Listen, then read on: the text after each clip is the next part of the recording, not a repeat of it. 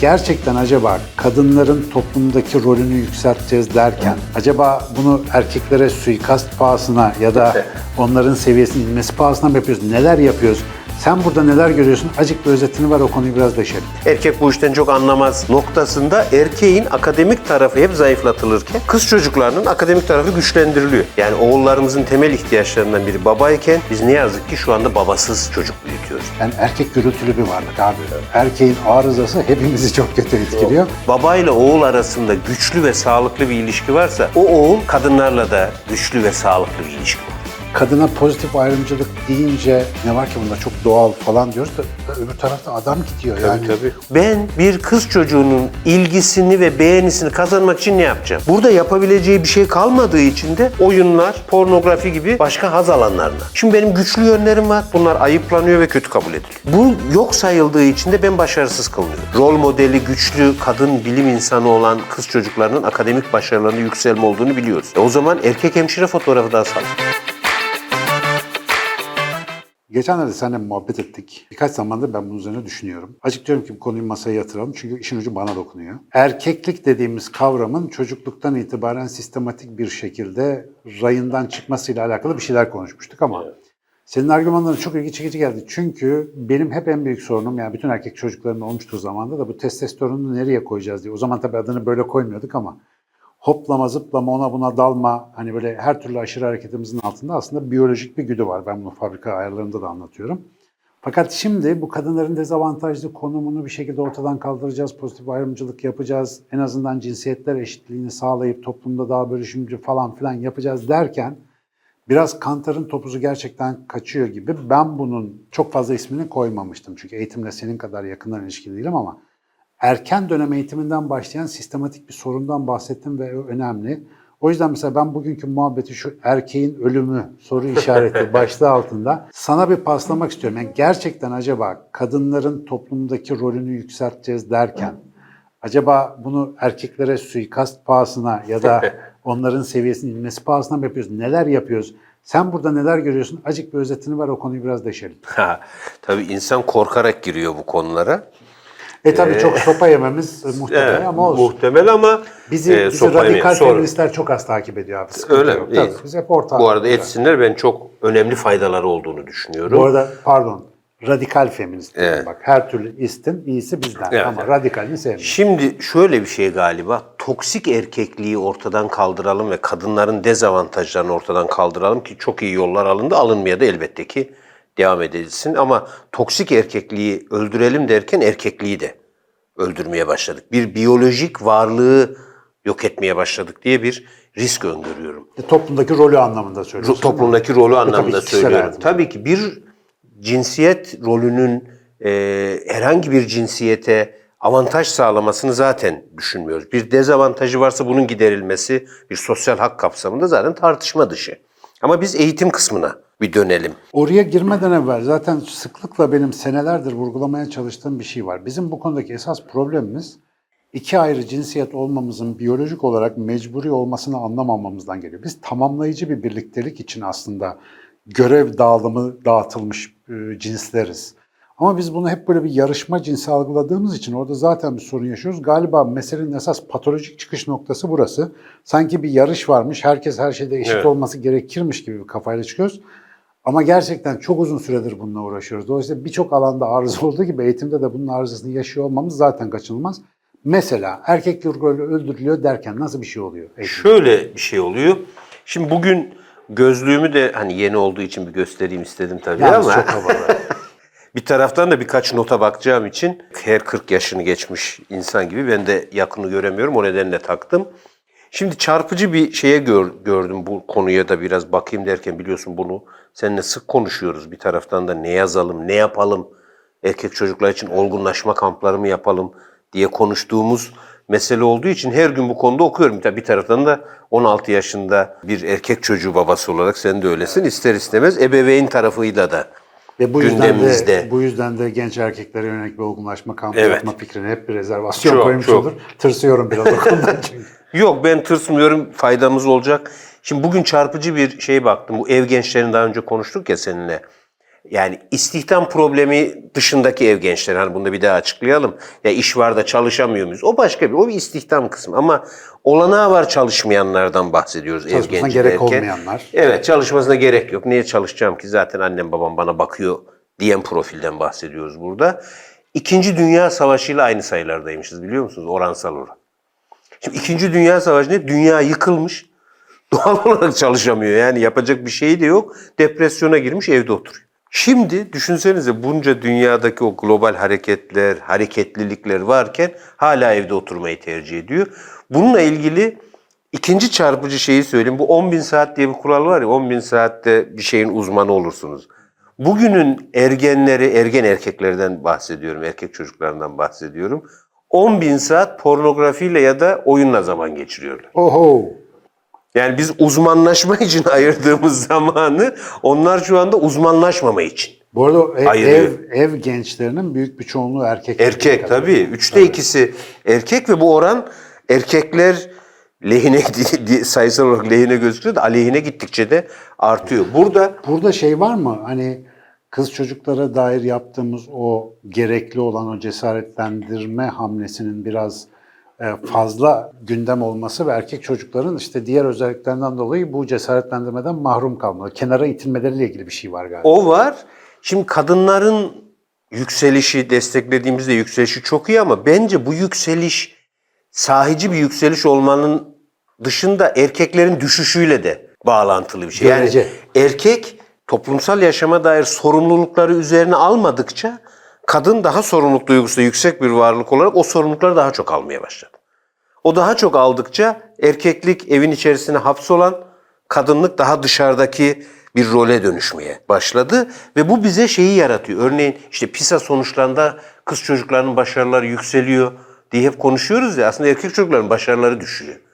Çünkü okul kız çocuklarına göre dizayn edilmiş durumda. Buradan kastım ne? Disiplin gibi, hazzı ötelemek gibi akademik başarının zorunlu unsurları var. 10 bin saati pornoda ve oyunda harcayan erkek çocukları doğal olarak okulun o akademik odaklı yapısının içerisinde daha başarısız Ya oluyorlar. abi yani biz hep erkek beyni dişi beyni diye anlatıyoruz. Hakikaten kadın beyni bu tarz hani standart bir dürtüsel erkeğe, erkek geldi dürtüsel ya, ona zor gelecek şeyleri çok kolay yapabiliyor zaten. Evet. Dolayısıyla böyle bir konuya adanma, bir şeyler erteleme, uzun süre çalışma, konsantre olma. Zaten kız çocuklarda oransal olarak daha yüksek bir beceri. Bizim garibanlar demek ki tabii bizim zamanımızdan başlıyor düşününce şimdi yani. Hep böyle kızlar önde giderken biz böyle arkadan nal Tabii topluyoruz. tabii. Çünkü babalar da sonuçta kız çocukları daha çok dinlemeye, anlamaya dönük tarafları da güçlü olduğu için onlara şarkılar söyleniyor. Onlara şiirler okunuyor. Onlarla güzel zaman geçiriyor. Ya bizim erkek bu işten çok anlamaz noktasında erkeğin akademik tarafı hep zayıflatılırken kız çocuklarının akademik tarafı güçlendiriliyor. Bu güçlendirme devam etsin ama erkekleri bu konuda ihmal etmeye başladık. Yani acil eylem planını biraz erkek Evet, tarafına döndürmek biraz lazım. erkek tarafına döndürmemiz lazım. Şimdi hiperaktiviteye bakıyoruz. 3 katı. Yani hiperaktivite oranı bazı ülkelerde 5 katı. Yani erkek çocuklar hiperaktif. Hiç çevrenize bir bakın. Hiperaktif kız çocuğu duymuyoruz. Bütün hiperaktiflerin neredeyse erkek olması tesadüf olabilir mi? Dikkat eksikliği daha e, yaygın ama e, hiperaktivite dediğin Tabii. erkek. Niye? Çünkü erkeğin erkek çocukların hareket etme ihtiyacını karşılayan bir okul sistemimiz yok. Ah o testosteron Allah kimsenin Evet. başına vermesin. Şimdi o erken. duruyor. Bu çocuk da hareket etmek istiyor. Ama sürekli önünde akademik çalışmalar var. Bu akademik çalışmaları da yapamadığı için kendini gösterme ihtiyacını yanındakinin gözüne kalem sokarak, tekme atarak, kavga ederek çözmeye çalışıyor. Haz ihtiyacı var her insanda, her varlıkta olduğu gibi. Bu hazzı orada karşılayamadığı için hani matematik sorusunu ilk çözen, fende en iyi deneyini yapan olarak kendini gösteremediği için daha çok tekme atan, arkadaşında pis şakalar yapan bir çocuğa dönüşüyor. Daha da kötüsü o 10 bin saatini kısa süreli haz merkezlerinde yani pornografiyle ya da oyunla harcadığı için de bu alanda akademik iş yapacak ne enerjisi kalıyor ne de hiçbir akademik çalışma ona o kadar yüksek adrenalin sağlamıyor belki. Dedim dedim dinlemediniz var ya Hasan Benlerci'nin şeyi. Tabii. Bu kanalın takipçileri çok aşinadır mesela erkek kadın beyni farkını anlatırken. Dişi beyni diyelim ona daha biyolojik şeyde. Uzun vadeli plan ve sezgilerde daha başarılıyken erkeğin kısa vadeli haz, hesap ve hedeflerle daha iyi olduğunu hep anlattık. O beyin bağlantısallığındaki farktan da geliyor. Şimdi bunu düşündüğün zaman yani böyle bir eğitim sistemi içerisinde hakikaten ikisini birlikte götürecek optimal bir sistem kurmak da kolay değil ha. Yani bir taraftan işte önceden belki ataerkil kafayla bir tarafa çok yumulmuşuz ama şimdi öbür tarafa fazla yumulunca buranın dengesi kaçıyor. Tamam. Ve gerçekten de bedeli ağır. Çünkü bu çocuklar sadece hayatta başarıyla falan ilgili de bir şey değil. Yarın bugün anne baba olacaklar, rol modellik yapıp kültürel olarak bunu aktaracaklar ve sonra oradaki bozulmayı düzeltmemiz daha da zor olacak. Çünkü şunu hatırlatayım, bizim ayarlar değişmiyor abi. Ya ayarlar öyle iki nesil geçti diye biz başka bir şey olmuyoruz. Yani bu donanım aynı, psikolojik ihtiyaçlar aynı. Ama işte bu nevzuhur fikirlerle yaptığımız oynamalar büyük problem çıkarıyor. Özellikle şu anne babaların tavırlarında da bir değişim gözüküyor bu konuda bence. Yani anne babanın çocuğa örnek olma biçiminde de sıkıntı var.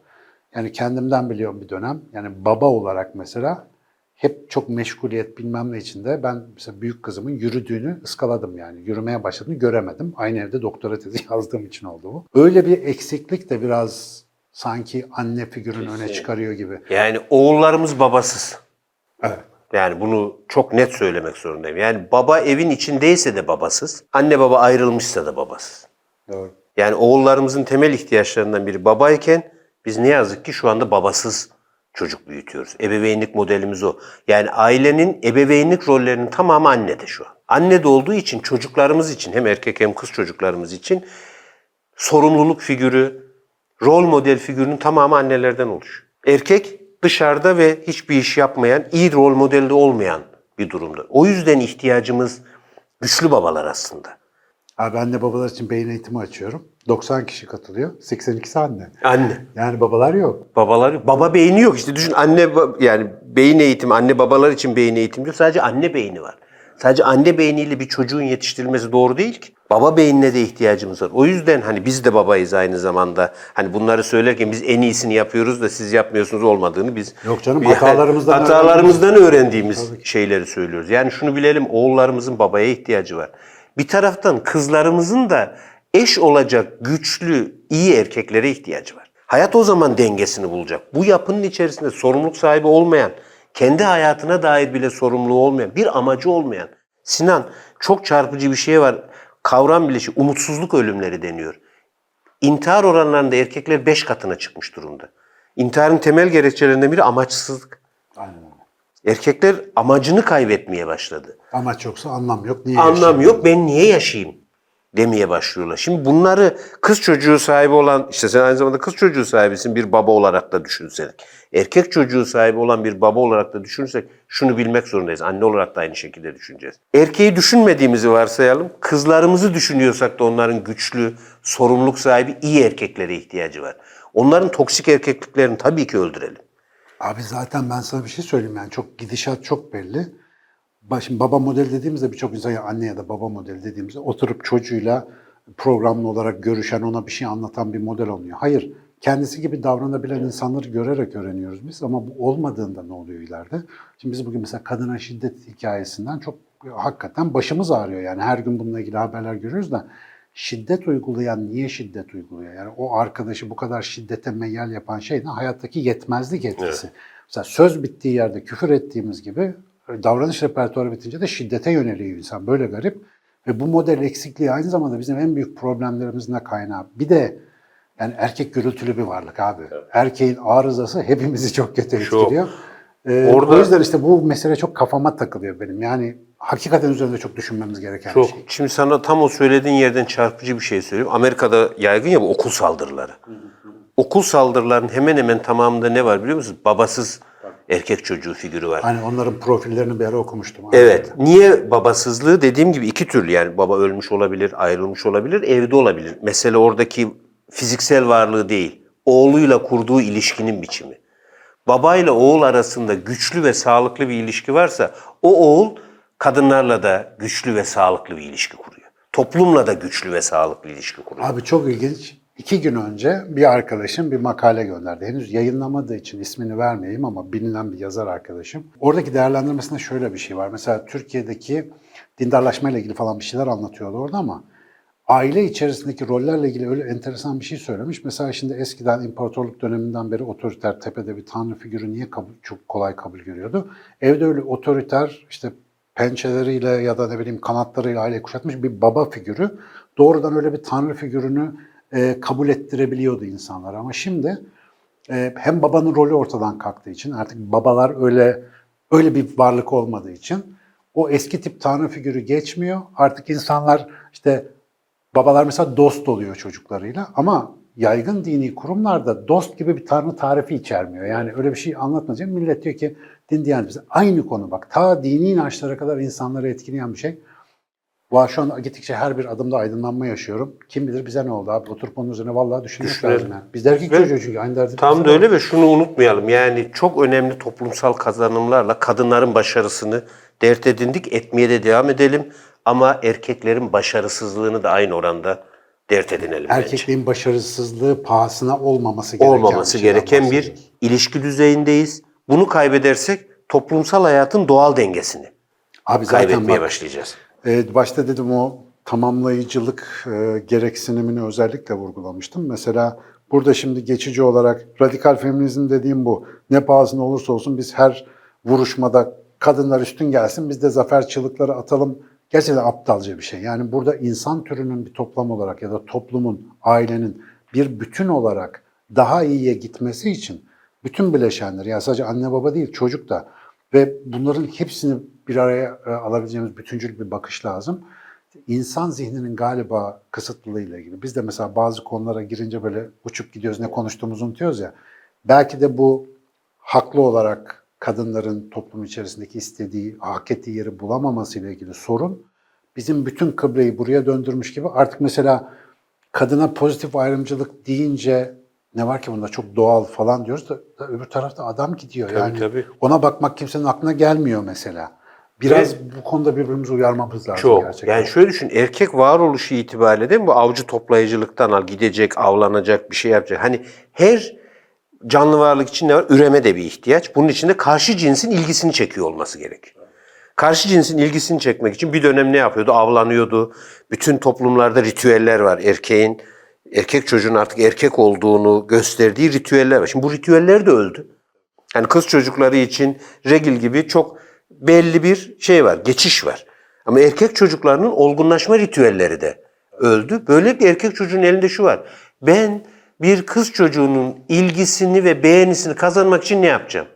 Burada yapabileceği bir şey kalmadığı için de oyunlar, pornografi gibi başka haz alanlarına dönüşmeye başladı. Yani kızlarımızın onların ilgisini ve beğenisini kazanabilecek iyi yürekli erkeklere ihtiyacı Yani var. o belki hayatın en önemli hazlarından biri bu kadar ucuzlayıp da her yerde erişilebilir Evet. olduğu zaman zaten buradaki motivasyon da kayboluyor. Kayboluyor. Çocuğun içinde o işte hormonal geçmişten gelen o kendini gösterme güdüsü hakikaten dediğin gibi bambaşka yerlere sarkıyor. Peki spesifik olarak okul ortamı bunu nasıl besliyor? Yani bu çarpık durumu.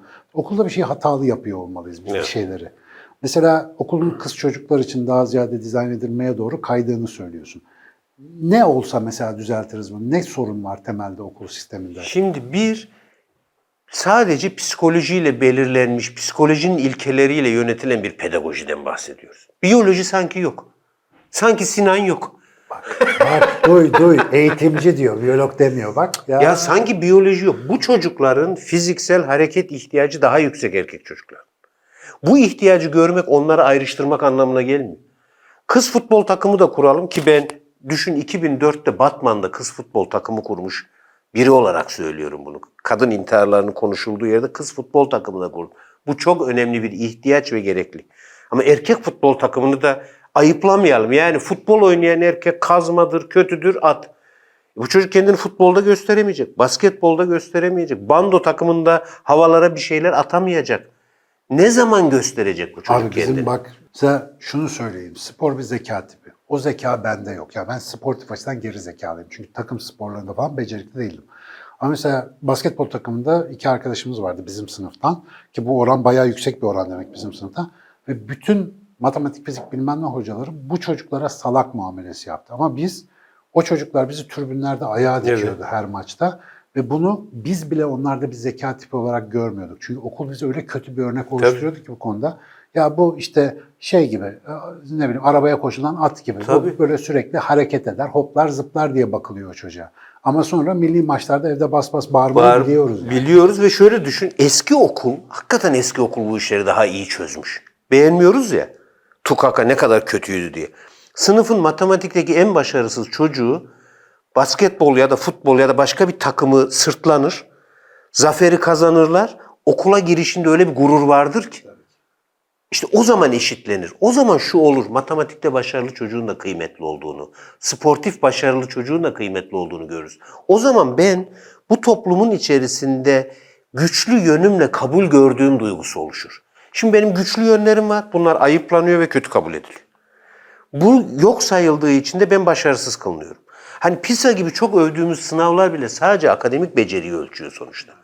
Okul basketbol takımındaki başarılı çocuğun o sınavda bir yeri var. İşte şimdi yurt dışında çocukların mülakatında hep böyle sportif faaliyetler, sosyal sorumluluk projeleri ya da sanat projeleri yüksek puan alıyor ya böyle hani onlar büyük bir tercih sebebi falan. Şimdi aslında böyle bir sistemi özellikle bu senin dediğin açıdan galiba tekrar masaya koymamız Kesin. lazım. Şöyle Yani düşün, yüzde fiziksel 60 zeka. şu anda Avrupa ülkelerinde yüksek lisans yapan öğrenciler içerisinde kız çocukların oranı yüzde 60'a geldi.